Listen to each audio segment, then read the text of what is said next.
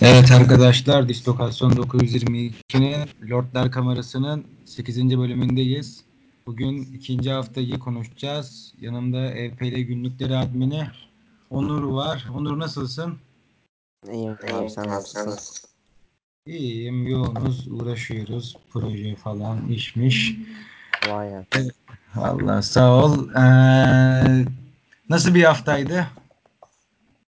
Ee, şanlı Arsenal'imiz liderlik iddiasını sürdürdüğü için güzel bir haftaydı. Maçlar güzeldi baya.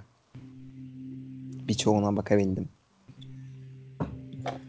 O zaman hemen başlayalım. Hazır Arsenal'dan açmışken. Arsenal Burnley'de, Burnley'e kendi evinde 2-1 yendi. Evet Arsenal'de David Luiz, Ceballos ve Lacazette 11'deydi bir önceki maçtan farklı olarak. Ee, orta sahada da Caka yoktu. Sakatlığı vardı. Kadroda yoktu kendisi. Bildiğim kadar evet kadroda yoktu. Ee, Arsenal bir önceki haftaya göre daha iyi baskın bir oyun aslında sergiledi. Ee, Burnley'nin maçın ikinci yarısında özellikle çok bastırdığını gördük. Ama orada Arsenal biraz cevap veremedi rakibine. E, kontrolleri kovaladı Pepe Aubameyang'la e, daha çok. Ama biz sahada Cebalos'un tek kişilik gösterisini izledik ilk yarıda. Özellikle ilk yarıda. İkinci yarıda da e, çıkana kadar sanırım. E, sahanın yine en iyisiydi. 80'de mi çıktı zaten alkışlatmak için çık- çıkardı mı diye sormuşlardı bana. Dedim hani ya yoruldu diye düşündüm galiba ama biraz yanlış bir tercihti. Takım sonra hiç top tutamadı. Bayağı baskı yedi Burnley'den. Burnley'nin zaten şut girişimi Arsenal'den fazla. 18 şut girişimi var. %32 ile oynamasına rağmen. Ama Arsenal geleceğe dair umut verdi kadrosuyla birlikte. Ee, Ceballos özellikle. Mesut'un da yokluğunda. Mesut gidecek gibi duruyor artık. Hasta diye kadroda olmadığı açıklandı ama e, takımı tek başına yönetti Ceballos. Obalaka ikilisi de yine gollerini atmaya devam etti. Özellikle Lacazette'in golü e, gerçekten tek başına aldı yani golü. Ben maçta maçı bölüm bölüm baktım. Pepe bizi yavaştan eee, yani bir şeyler izletmeye başladı. Yani Pepe daha tak- tam takıma uyum sağlamadı. Yani net şekilde ben hissettim ama şöyle bir şey Lacazette gibi Lacazette'in ilk geldiğinde bir sancılı süreç vardı. Öyle bir süreç geçirmeyeceği belli. Lacazette sonrasında o süreci atlattı ve şu an 10 numara gidiyor. Pepe evet bir uyum süreci sıkıntısı var ama cuk diye oturmaya başlayacak yavaştan. Ben ondan çok umutluyum. Ceballos konusunda da sezon öncesi işte Arsenal kadro yapılanması konuşuluyordu. İşte Mesut'u Cebalos'un önünde olduğu konuşuluyordu işte. Deplasmandaki maçlarda Ceballos oynayacak. İçerideki maçlarda Mesut oynar diye. Çünkü Mesut'un öyle bir sert geçen maçlara bir sıkıntısı var. Ama işte Mesut'un yaşadığı problemler ve ne kadar işte futbolda olduğu Cebalos'un da performansı forma Cebalos'ta ama buradaki işte dediğin gibi bir noktaya parmak bastın. Ceballos yokken ne olacak? Nasıl bir oyun durumuna geçmeleri gerekecek? Yani Çaka da yoktu orada bugün. Ben Çaka Gendüz ikilisiyle orada yine oyun kurulmada çok e, yani çok sıkıntı yaşayacaklardır tabii ki Çaka'nın uzun pasları hariç. Ama işte orada Mesut ya da Ceballos olmadığında Aubameyang Pepe ikilisi kanatlarda. E, ortada da Lacazette. Öyle bir yapı kuracaklar büyük ihtimalle. Belki üçlüye dönecek e, Emery. Yani çok tercih etmiyor son zamanlarda üçlü savunmayı ama Kolasinac ve Maitland-Nice ikilisiyle üçlü de e, oradan kanatlarda da Aubameyang ve Pepe varken biraz faydalanabilirler belki ama ben mesela maç sonundaki e, Obalı ve Pepeli kanat organizasyonlarını evet çok organize olamadılar ama o girişimleri beğendim. Fena değillerdi bence. E, Torreira da orta sahada uzun süre sonra oynadı. Ya zaten bir önceki maç oynamamıştı. Geçen yılın sonlarına doğru bayağı düşmüştü. Torreira'nın katkısı çok önemli orada. Çünkü Arsenal'in sıkıntısı sahada sertlik gösterebilen bir oyuncuları yok. Ee, Sokrates'ten başka bence. Bu konuda çok zayıf kalıyorlar ve uzun süreçte baktığımızda 38 maçta Arsenal'e en çok sıkıntı yaratacak ikinci şey bu belki de deplasmanlarda. Ee, bu sertlikten ve kavgadan uzak hali takımın oyuncuların yumuşaklığı bayağı sıkıntı yaratacak gibi duruyor. Yine aynı sorun United'da da var. Yani ben çok şakayı şakadan geleyim şakayı çok beğenmiyorum. Şakanın tek yaptığı şey yani tabi abartı futbolcuya haksızlık olabilir ama kart görmek. Çok kart görüyor. Benim bu çok dikkatimi çekiyordu. Yani performans yani verimi daha iyi olma, olması gereken bu oyuncuydu. Ama Arsenal'da sezona girerken beklenti çok yüksek olmadığı için ki gösterdiği performans bence beklentiyi yükseltilebilir. Özellikle David Luiz'in gelişiyle savunma bir üst seviyeye çıktığını söyleyebiliriz. Yani açıkçası Arsenal taraftarından kim gelse Mustafa'dan daha iyi oynayacağını söylüyordu. David Luiz'e cuk diye oturdu. Yani Arsenal bence iyi yolda. Haftaya bir şey maçına çıkıyoruz. Evet haftaya Liverpool maçı var. Ee, ben şöyle de bir şey demek istiyorum. Liverpool'da eski Liverpool gibi oynamıyor. Bunun sebebi de bence biraz daha oturaklı bir oyunundan dolayı. Yani ilk kulübün geldiği o işte şey sene falan ilk geldi Salah'ın geldiği sene çok açık oynuyorlardı böyle. Şimdi biraz da şampiyonluğu oynayacak takım gibi oynuyorlar yani. Biraz daha garantici oynuyorlar. Ki Liverpool'da aynı zamanda Liverpool Southampton maçına da geçmiş olalım. Bu ikisini beraber konuşalım. Liverpool'da Southampton maçının son dakikalarında neredeyse maçı veriyordu açıkçası. Adrian'ın hatasıyla birlikte. evet, Maç haftaya. Arsenal Liverpool maçı için ne düşünüyorsun ve oradan Southampton Liverpool maçını konuşalım. Liverpool geçen yıl da e, zaman zaman çok kötü toplar oynadı ama o maçları kazanmasını bildi. Yine öğrendikleri yani iyi oynamadıkları maçta da kazanıyorlar ve şampiyon takım refleksi gösteriyorlar. Geçen sezon da yapmışlardı. Şampiyon olamadıklarını yani Şampiyonlar Ligi'ni kazandılar. Daha büyük bir kupa. Ee, uluslararası anlamda Premier Lig'den. Ya ben her ne kadar Premier Lig'i daha çok sevsem de. Şimdi Liverpool için yani biraz tabii şunun etkisi var. Çarşamba günü 120 dakika oynadılar. Ee, zorlu bir maçtı. Ee, oyuncuların hepsi belki önceki haftalarda değinmişizdir. Hem yazın maç yaptılar hem de yani çok da dinlenmeden buraya geldiler. Oyuncular yine yorgun. 2018'de de oynadılar. 2019 yazında da oynadılar. Hem yazın hem kışın ve çok yüksek bir tempoda oynuyorlar. Ee, Birçok kulvarda mücadele ediyorlar. Bunun sıkıntısını yaşayacak gibi duruyor Liverpool. Çünkü çok geniş bir rotasyonu da yok. Oks'un yavaş yavaş takıma dahil oluyor olmasa da bu açın e, bu açıdan biraz avantaj gibi gözüküyor kulüp için. Oxford'da önemli bir oyuncu.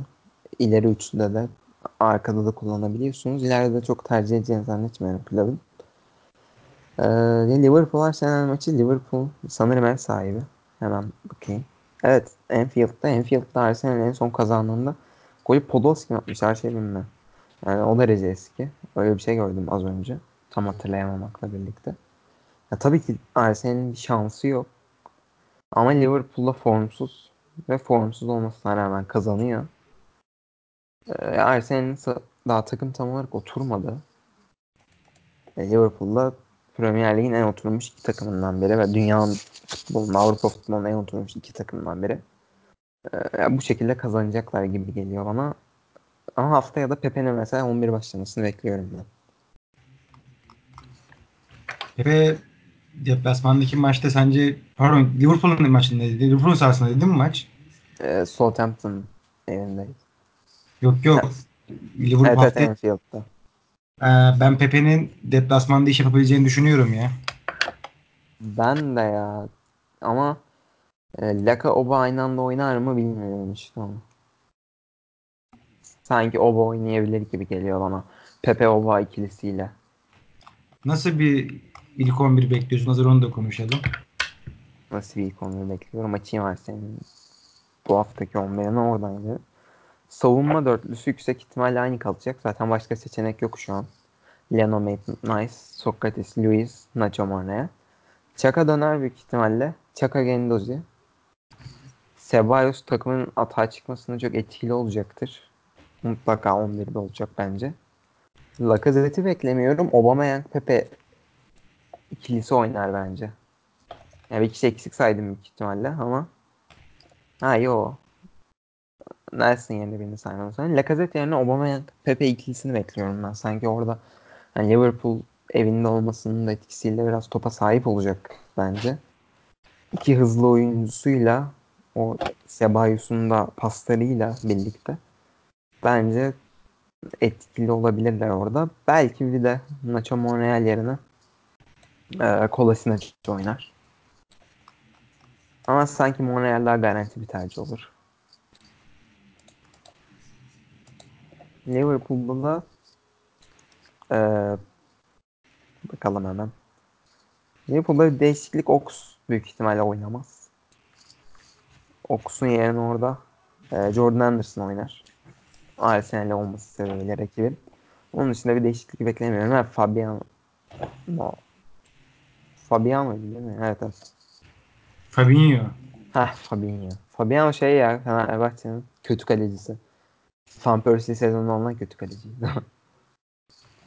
Fabinho'yu bekliyorum. Fabinho Henderson Milner üçlüsüyle başlarlar gibi. Süper Kupa maçında da öyle çıkmışlardı sanırım. Biraz daha hani Arsenal'in ataklarına direnç gösterebilecek bir üçlü. Evet buradan ekleyeceğim başka bir şey var mı bu iki maç özelinde? Hayır yok.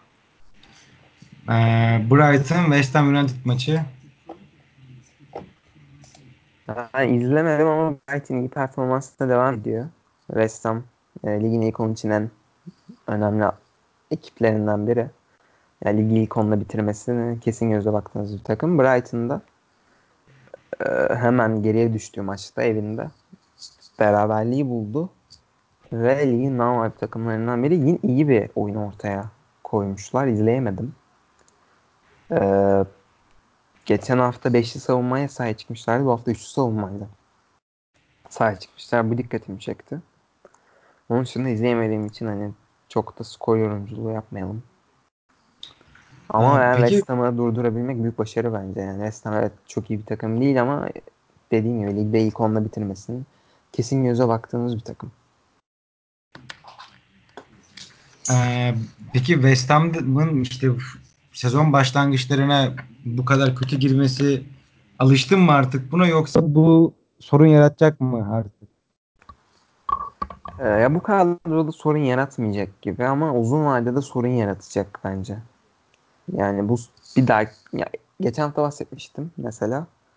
Ee, takım böyle kötü başladığı için sezona 4-5 hafta orada kaybettiği puanlar 30. haftada biraz görüyorlar ne kaybettiklerini aslında. Üst üste kazandık üst üste maç kazansalar bile e, o yedincilik ve sekizincilik o potaya girmekte zorlanıyorlar. Çünkü çok puan kaybetmiş oluyorlar. Bu da takımın çok değerli oyuncuları var. E, birkaç tane bence.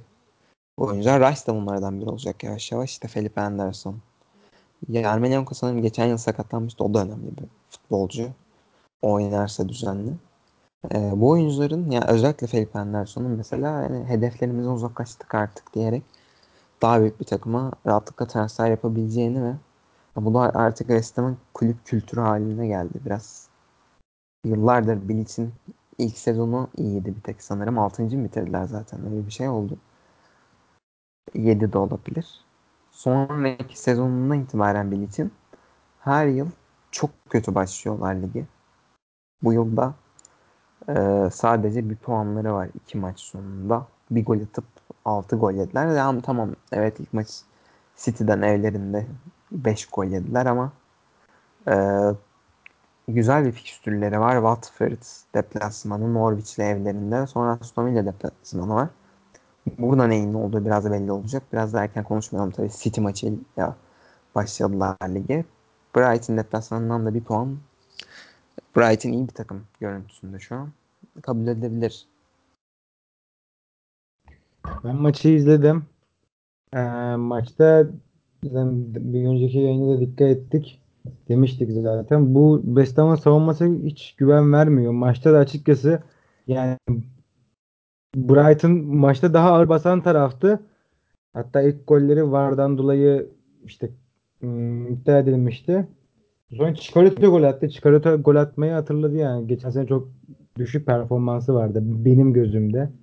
Hatta Türkiye'de yazıldı. Hiç gelmesini istemiyordum Türkiye'ye. Ee, ama West Ham benim maçta baktığım iki pozisyonu var. Brighton'ın saydığım yani 7-8 tane pozisyon var ve özellikle 2-3 tanesi netti. İkinci yarıda hatta bir tane neredeyse 6 pasta kaçırdılar. Ee, Brighton'ı ben çok iyi şeyler söylemiyordum sezon başlangıcında ama vallahi Brighton fena gitmiyor. Yani Brighton'ı ben geçen yıl da çok seviyordum. Bu yılda gayet başarılı olacak gibiler. gayet ligin baş ağrıtan bir takım olacağı net şekilde belli. Hani vardır ya işte böyle bazen bir, top alttaki takımı 1-0 yener. Sonra diğer bir takımı 4-0 yenilir. Tam öyle bir takım profilinde. Yani cidden baş ağrıtacak bir takım gibi gözüküyor. Geçtiğimiz Evet. yılın Bournemouth'u olabilirler belki. Yani bence de. Evet, buradan Everton Watford maçına ligin aslında merak edilen takımı iki takımı. Everton Watford maça baktın mı hiç? Ee, o 5 sene sanırım o maçlar. Ben o maçları izlemedim. Liverpool'u izledim bir tek. Ama e, Everton ligde gol yemeyen tek takım şu an. Böyle bir saçma da olsa bir dipnot. Yani bir gol atmışlar zaten. Üretkenlikten biraz uzak bir takım Everton sanıyorum.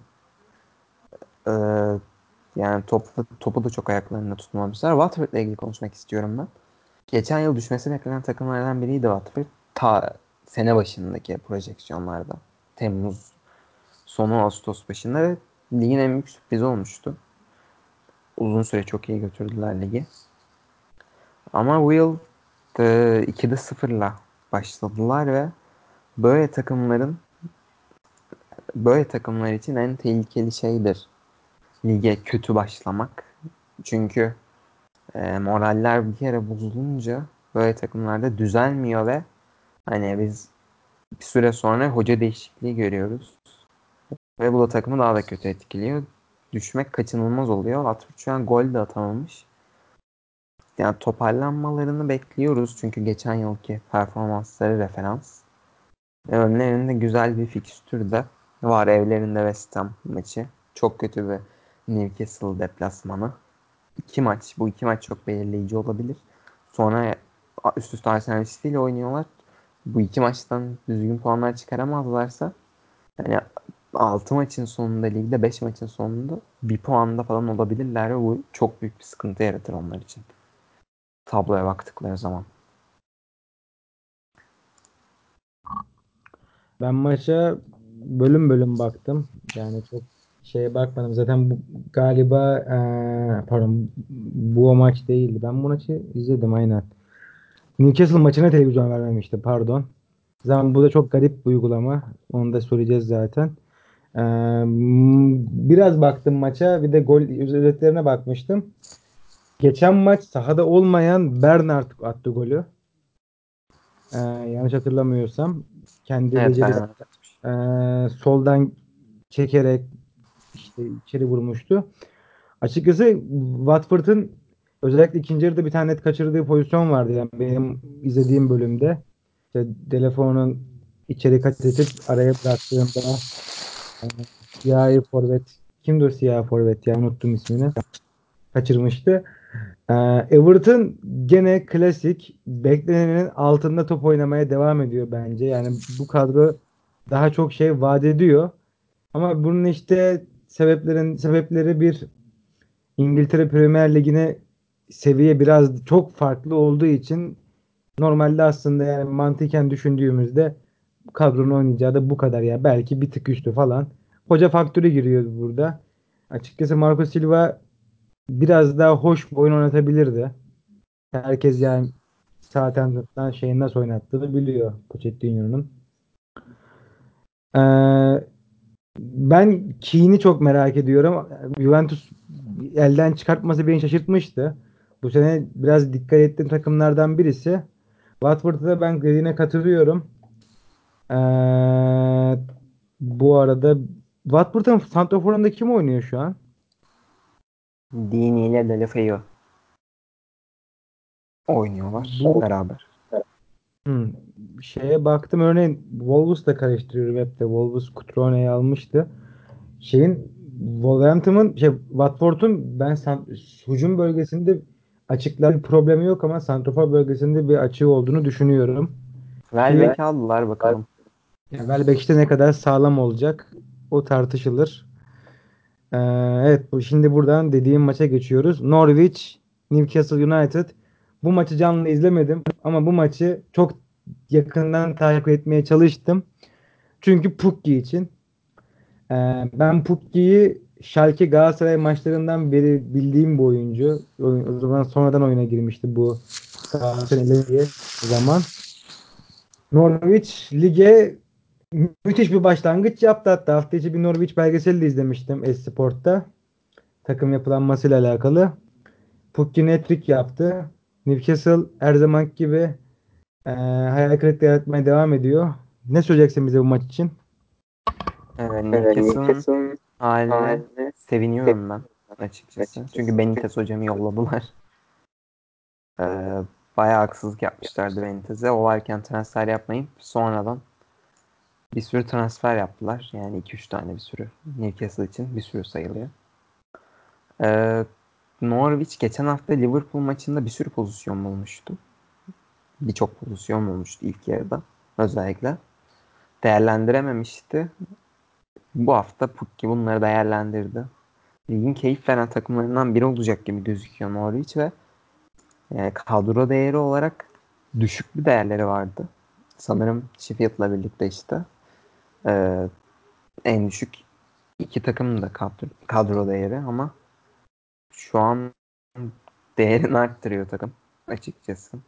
Geçen hafta da bahsetmiştik. Genç bir savunma hatları var. Lewis ile Aarons. İyi bir ikili. Ya Liverpool maçında izlediğim kadarıyla öylelerdi. Ee, bu hafta da baktım biraz.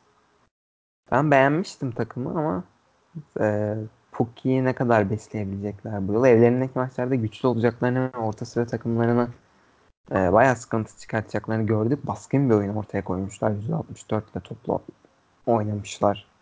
15 şutları var. Ve bayağı da pas yapmışlar. 600'den fazla pas yaptılar. E, Newcastle'ın hali bence biraz değil yani korkutucu gözüküyor. E, bakalım Newcastle'a hemen. Benim Newcastle açıkçası küme düşme adaylarıma yakınlarda. Ben bunu demiştim ve seninle zaten geçenki yayınımızda Norwich'in Liverpool'a yenilmesine rağmen iyi bir oyun sergilediğinden bahsetmiştik zaten Norwich için. Yani bu beklediğimiz bir şeydi aslında. Evet Newcastle'ın kadrosu ama mesela iyi önceki sezona nazaran. Teknik direktörü iyi değil. Ee, bu yüzden hani ben hala bir şey bekliyorum teknik direkt. Hala bir şey bekliyorum derken ikinci haftada küme düşerler de demek istemiyorum ama benim en büyük adayım Newcastle. Ee, biraz teknik direktör ya biraz şey oldu onlarda ya. Benitez'in yaptığı iş e, çok büyüktü ve bunu iki sezon üst üste yaptı. İkinci sezon artık belki yönetime e, ya kim gelse bu takım aslında tutar kümede gibi bir şey mi geldi saçma bir düşünce mi geldi bilmiyorum ama e, yani takıma yapılan Joelinton, Almiron gibi takviyeler ne kadar yeterli olacak? Çünkü yine e, bu kadro da küme düşme adayı bence fazlasıyla. Evet transfer yaptılar ama Benitez'in ligde tuttuğu takım Championship takımıydı. E, kadro olarak Championship'te yer alabilecek bir takım bence. Premier Lig'e hiç uygun bir takım değildi. Yani Huddersfield'la birlikte belki de en kötü kadroydu ligdeki. Yani çok haksızlık yapmayayım. Ama öyleydi. Ve bu biraz hani ligde iki sene üst üste kalınca hatta rahat bir şekilde kalınca biraz gözlerini boyamış olabilir. Aa biz iyi takımız aslında deyip e, daha da belki yukarıyı hedeflediler ama bence çok büyük bir hata yaptılar. Küme düşecekler diye düşünüyorum ben. E, ve kötü de oyun ya aslında Arsenal karşısında kötü oynamadılar ama Arsenal çok eksik. evet işte o Arsenal'i ne bileyim Norwich yakaladı bence sahasında. Geçen haftaki Arsenal'i yenerdi. Liverpool karşısında da gördük neler yaptıklarını. Böyle bir fark var bence. Newcastle'da belki kadro oturdukça yavaş yavaş bir şeyler çıkacaktır ama işte teknik direktör faktörü. Yani bir anda Premier Lig'in en iyi teknik direktörlerinden birine sahipken işte Klopp'tan Guardiola'dan Poch'tan sonra belki de en iyi teknik direktörüne sahipken en tecrübeli teknik direktörüne sahipken şu an Steve Bruce gibi çok da buralarda yer almamış birine takıma emanet ettiler. Zaten yönetim bu konuda kötü kötü bir başkanları var. Ee, Newcastle'ın haline üzülmemek elde değil ya. Ben açıkçası çok başarılı olmasını isterim. Benitez varken de çok destekliyordum ama e, şu an başarısız olsunlar diye bekliyorum valla. Yani ben sana bunlara katılıyorum ki yapı ve başkandan dolayı bu gayet normal bir geçen hafta Newcastle yayını yapmıştık. Gayet zaten özetlemişti Newcastle United'ın halini. Ee, çok zor bir dönem bek bekliyor onlar için.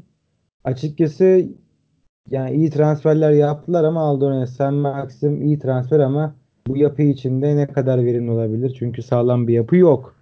Yani kulüp yapısından bahsediyorum yani kulüp nesi diyorlardı ona Hmm, organizasyonu çok sağlam bir ekip halinde değil.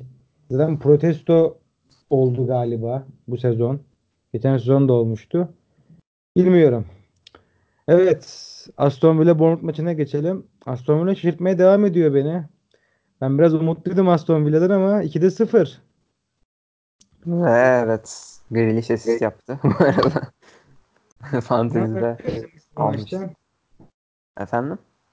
Sen ne anlatacaksın bu maçta? Ee, Aston Villa ile ilgili şunu söyleyeyim ben. Çok yeni bir takım.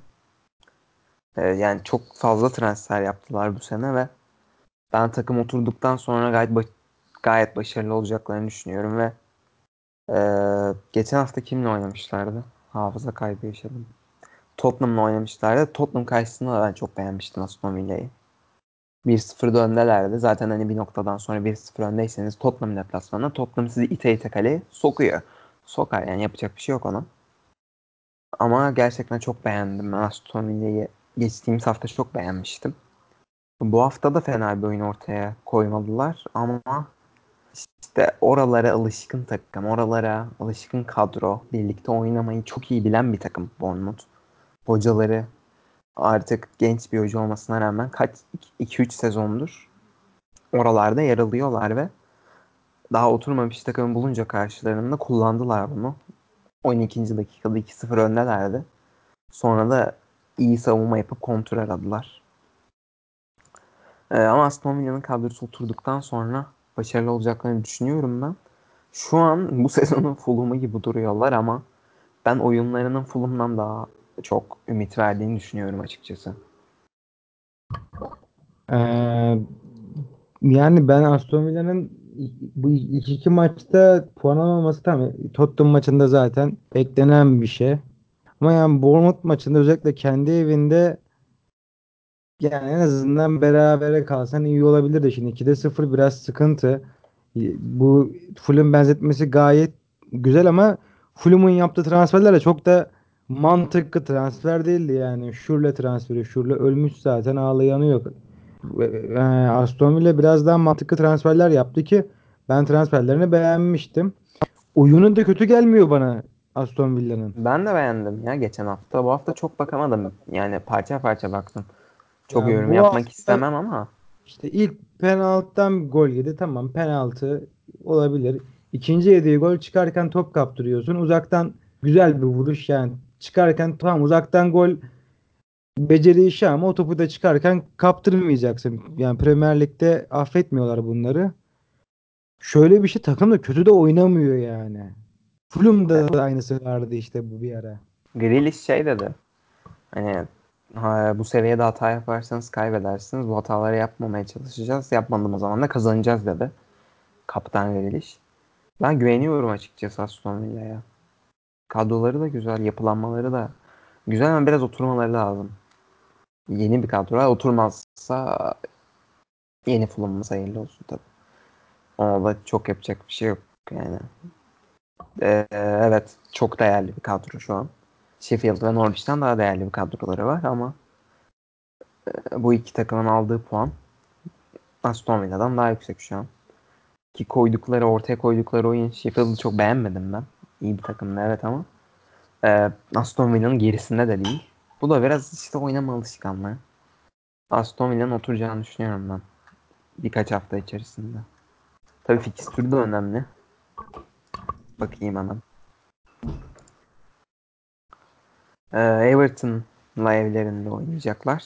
Sonra Palace deplasmanı West Ham'la evlerinde oynayacaklar. 3 güzel 3 maç bence.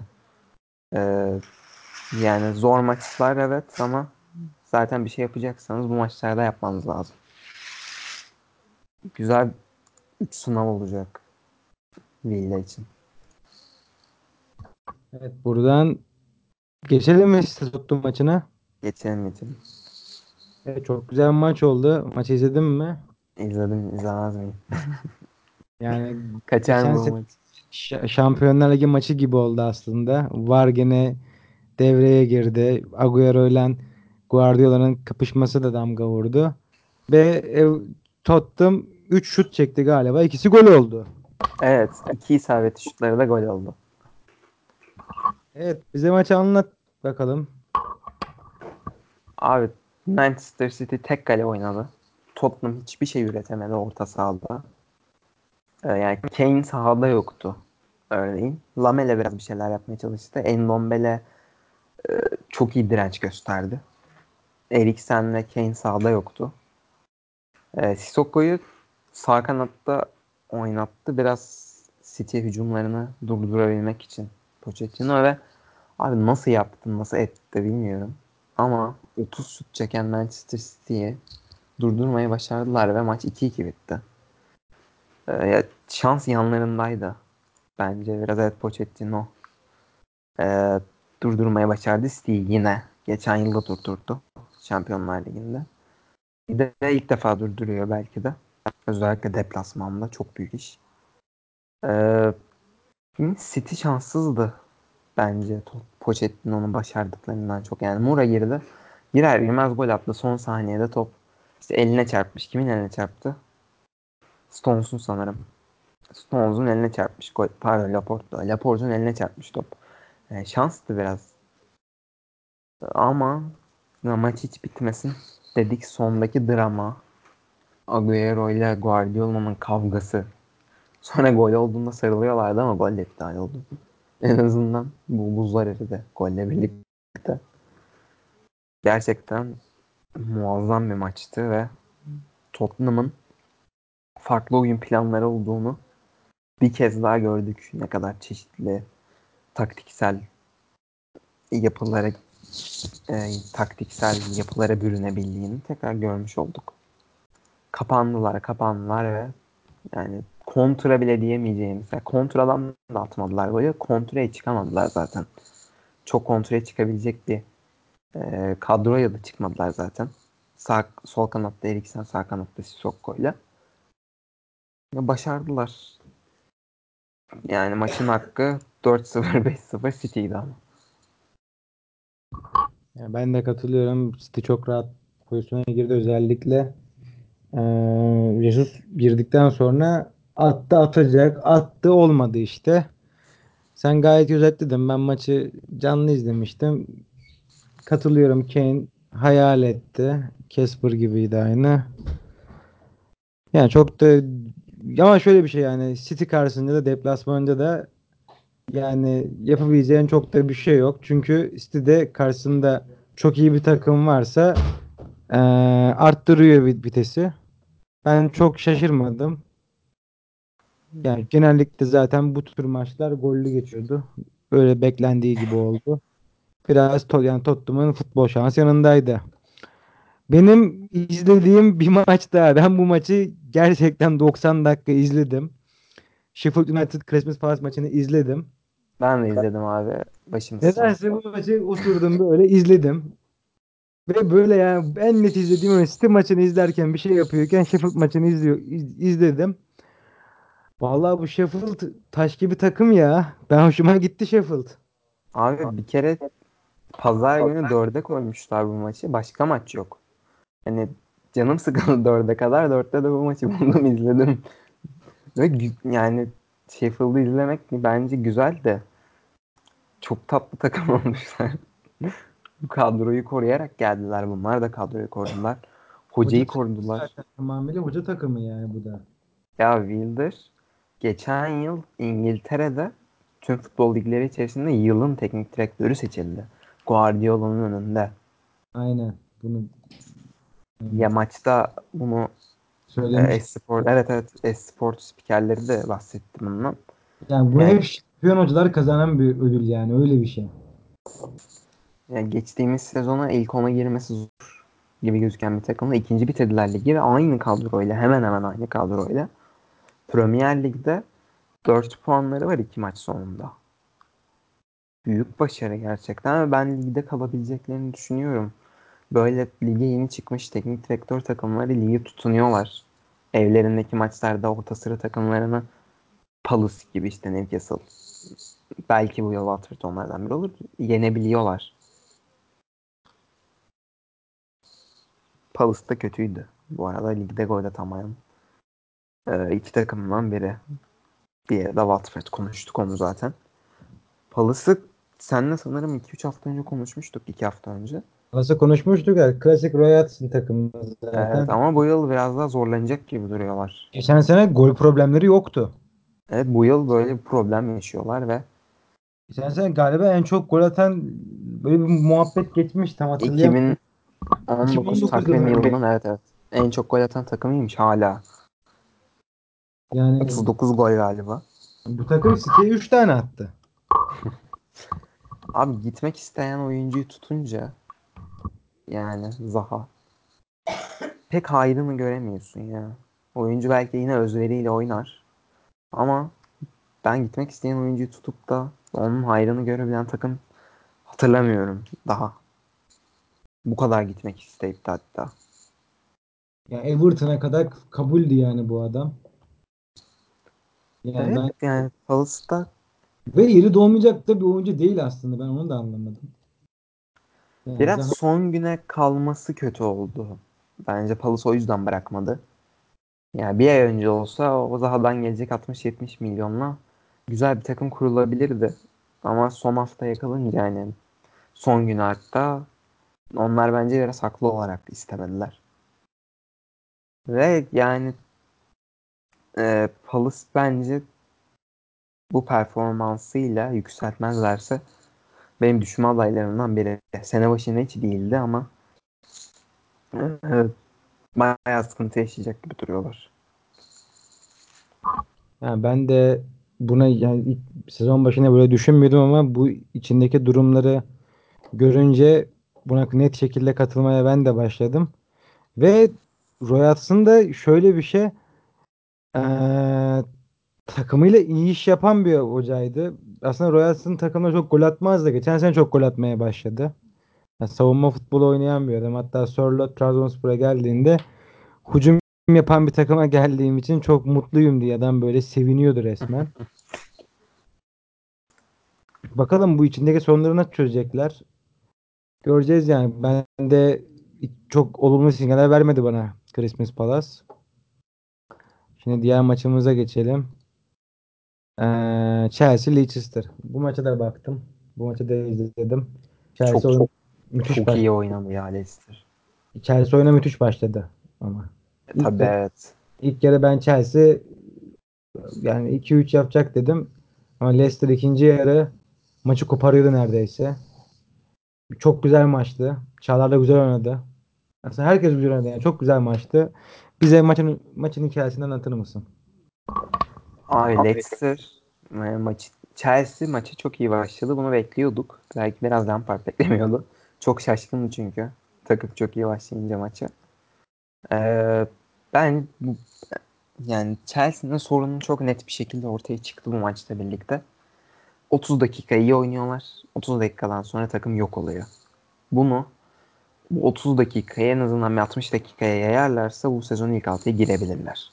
Ama Leicester'da maçın ikinci yarısında iki maçta iki puan olmasına rağmen vura Chelsea'nin kafasına vura vura gösterdi ki ben bu yıl altıncılık için en büyük adaylardan biriyim dedi. Ve bu oyunu şu ana kadar ne Everton oynadı ne West Ham oynadı ne Bournemouth oynadı orta sıra ekiplerinden. Chelsea kafasına Chelsea'nin kafasına vura vura Leicester ben şampiyon bir takımım ve 6.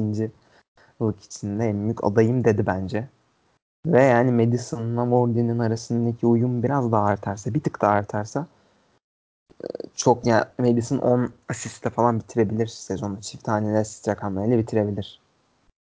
Çok tehlikeli bir üçlü Madison Wardy, Ayazo Perez. Arkada Tielemans, Çılbüre güzel bir ikili oluşturuyor. Endi de orayı çok güzel toparlıyor. Çağlar Evans çok güzel oturdu. Bence iki maçta yani hatasız oynadılar bu ikili. Schmeichel'ı zaten biliyoruz. Fuchs şampiyon kadrosu. Leicester'ın kadrosu belki Chelsea'den iyi. Ama, Ama ben işte Mason Mount'tan biraz bahseder misin? ya Mason Mount çok bilmediğimiz bir oyuncu değildi. Twitter'daki Premier Lig izleyicilerinden bazıları yeni öğrenmiş. Aa ben keşfettim falan diye bir ay önceki tweetlerini ortaya çıkaranlar olmuş da. Yani Mount'un ne olacağı az çok belliydi zaten. Ve yani Chelsea'nin bu sezondan, bu krizden belki de en büyük kazancı Mount olacak gibi duruyor. Ee, çok iki ayağını çok iyi kullanabilen bir oyuncu. Ve yani bu yaşta koydular Premier Lig'de 11'e. Takır takır oynuyor çocuk. Golünü de attı. Fırsat Endidi'nin hatasından faydalandı. Fırsatları değerlendirdi. Bu fırsatı değerlendirdi. Ee, Chelsea'nin en büyük kazancı olabilir ve hani Abraham'ı kaybetmek üzere diyebiliriz Lampard. Bence çok hatalı kararlar veriyor oyuncu açısından. Yani maç 1-0 iken evet başka elinde oyuncu yok ama Abraham'ı alıyorsun oyuna ve takım yine geri düşüyor. Penaltı kaçırmış zaten geçtiğimiz gün. Yani çok kritik bir noktada soktu. Abraham'ın psikolojik olarak biraz ım, fazla yıpranmış olabileceğini düşünüyorum ben. Son bir haftadır yaşadıkları 4-5 gündür. Ee, onun için zor geçiyor. Açıkçası geçtiğimiz yıl Aston Villa'da harikalar yaratmıştı. Yani aynı şey insanlar Premier Lig'de anında beklememeli bence ondan. Lampard'ın da biraz oyuncusunu evet açıklamalarıyla korudu ama ben sen maçta o dakikada e, Abraham'ı sokması bence biraz ya beni şaşırttı biraz ve koruyor gibi de gelmedi. Ben bir Lukaku sendromu yaşayacağını düşünüyorum. Aynı şey, aynı senaryo. Bir finalde penaltı kaçırma. Ama neyse Allah'tan takım başında galiba Mourinho işte o zaman Mourinho vardı. Şimdi Lampard var. İşte bu kadar ısrar etmek şimdi bu çok sıkıntı bir karardı. Şimdi bir yandan düşünüyorsun ısrar etmeli, üzerine gitmeli, elbet atacak. Ama işte aklıma benim direktman Hamza Hamzaoğlu'nun Umut Bulut olayı geliyor. Israr, ısrar, ısrar. En sonunda yani çok kötü bir noktaya geldi durum. Abi maç 2-0 olsa alırsın. Ama Chelsea rezalet oynuyor. Yani ileri gidemiyor. Leicester vura vura itiyor. Kalesine itiyor Chelsea'yi. Ee, alıyorsun çocuğu 19 yaşında. Çarşamba günü penaltı kaçırmış. Önceki hafta bir topu direkten dönmüş. Ee, biraz etkiledi bence. Ya mesela Abraham'la bir bir tane topa dokunamasaydı bir ilgisi yok skorun ama oyuncuya psikolojik bir, yük bindiriyorsun böylece. İşte burada tecrübe defosu ortaya çıkıyor Lampard'ın. Olur öyle. Bakalım Abraham için yani umarım sonu iyi olur. Burada işte Lampard'ın biraz çok işte ben oyuncularıma güveniyorum olayından dolayı oluyor. Chelsea'nin Higuain'e en kötü sözleşme imzalayacaktı yani bir yılda bir şey yapacaktı orada. Şimdi bunu hissedecekler. Bakalım nereye kadar sabredecekler ya da belki olayı çözecek Abraham. Pedro sakatlandı. Ne kadar sakat? ciddi bir şey varsa bilmiyorum. Onu görmedim. Ciddi bir şey de olmayabilir ama yani Chelsea çok bu sezon böyle nasıl geçecek? Hani Pedro takımın en iyisiydi sakatlandı tak gitti. Yani William sakatlıktan yeni döndü. Çok boş kalıyor hücumda. Chelsea Pulisic daha hiç hazır değil Premier Lig'e. O, o Premier Lig duvarına takıldı gibi gözüküyor. Fizik olarak biraz zayıf. Ee, Böyle çok yorum okumuştum ve hani Leicester maçında da ortaya çıktı bu. Ama e, takım William'a çok ihtiyacı var şu an. Gerçekten. Bir de yani bu takımda bilmem kaç gündür gol atamayan Kovacic 2017'de mi ne atmış en son golünü kulüp takımlarında. Ee, takımın golü modu olarak hücum silahı olarak girdi belli bir noktadan sonra. Chelsea'nin durumu bu noktalarda biraz sıkıntılı. Savunma hattında bence şu an büyük bir problem yok. United maçındaki gibi.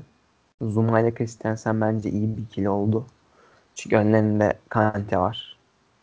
Çok etkiliyor şüphesiz. Hücum ya takım bence yani savunmayı bir şekilde hallederler. Kaliteli oyuncuları var orada. Ama hücumda çok çok çok sıkıntı yaşayacaklar. Ciro ve Abraham'la bitmez. Evet buna ben de katılıyorum. Nereye kadar artık giderse nerede kopacak bilmiyorum. Evet son maçımıza geçelim. Wolverhampton United. Ben maça ara ara baktım demin. İşte ya.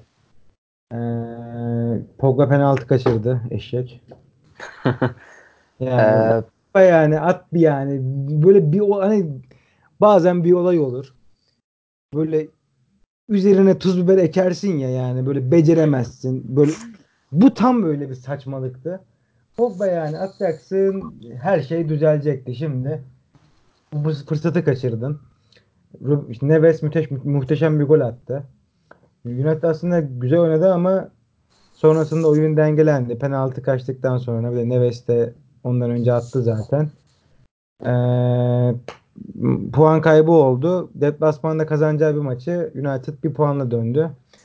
Ee, Martial estirmeye devam ediyor bence. Sen hiç baktın mı maça? biraz baktım evet. Nerede aktaracaksın bize maç için? United'ı ben açıkçası bana iyi sinyaller veriyor. Geçen sene gibi değil. Ben biraz Solskjaer Hoca'ya laf atıyordum. Ama benden şu an fena puan almadı. Ee, konuşmamızın başında Arsenal'den bahsederken biraz sahada kavga etmeyle ilgili bir sıkıntıları var demiştim. Aynı sorun United'da da var. Ki kavga edebilecek oyuncu sayısı çok fazla United'ın sahada bence. Özellikle Maguire'in de lafında ve bilmiyorum çok ama Bissaka ee, çok da fazla değilmiş. Pogba etmez. Pogba edebilir de etmez. Fazla geldi bana bir anda. Martial Rashford uyumu çok iyi. Ee, bu yıl ikisi de çok iyi oynuyor. Ee, Daniel James'in performansı beğeniliyor. Ama şöyle bir açıklaması var Solskjaer maçtan sonra penaltı ile ilgili konuşayım. Ee, geçen hafta Rashford kullanmıştı 60'tı dediler Solskjaer'e. O da şey dedi takımın iki tane penaltıcısı var. Pogba ve Rashford. Orada o an hangisi daha hissediyorsa konuşup karar veriyorlar. Minimalinde bir şey söyledi ve çok amatör bir şey bence bu.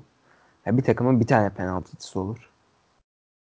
Ee, yani Premier Lig'de bir, ki bir takımın özellikle bir tane penaltıcısı olmalı ve kimin atacağını geçen hafta Rashford attıysa ve gole çevirdiyse bunu bu hafta da Rashford atmalı. Bir Rashford atsın, bir Pogba atsın.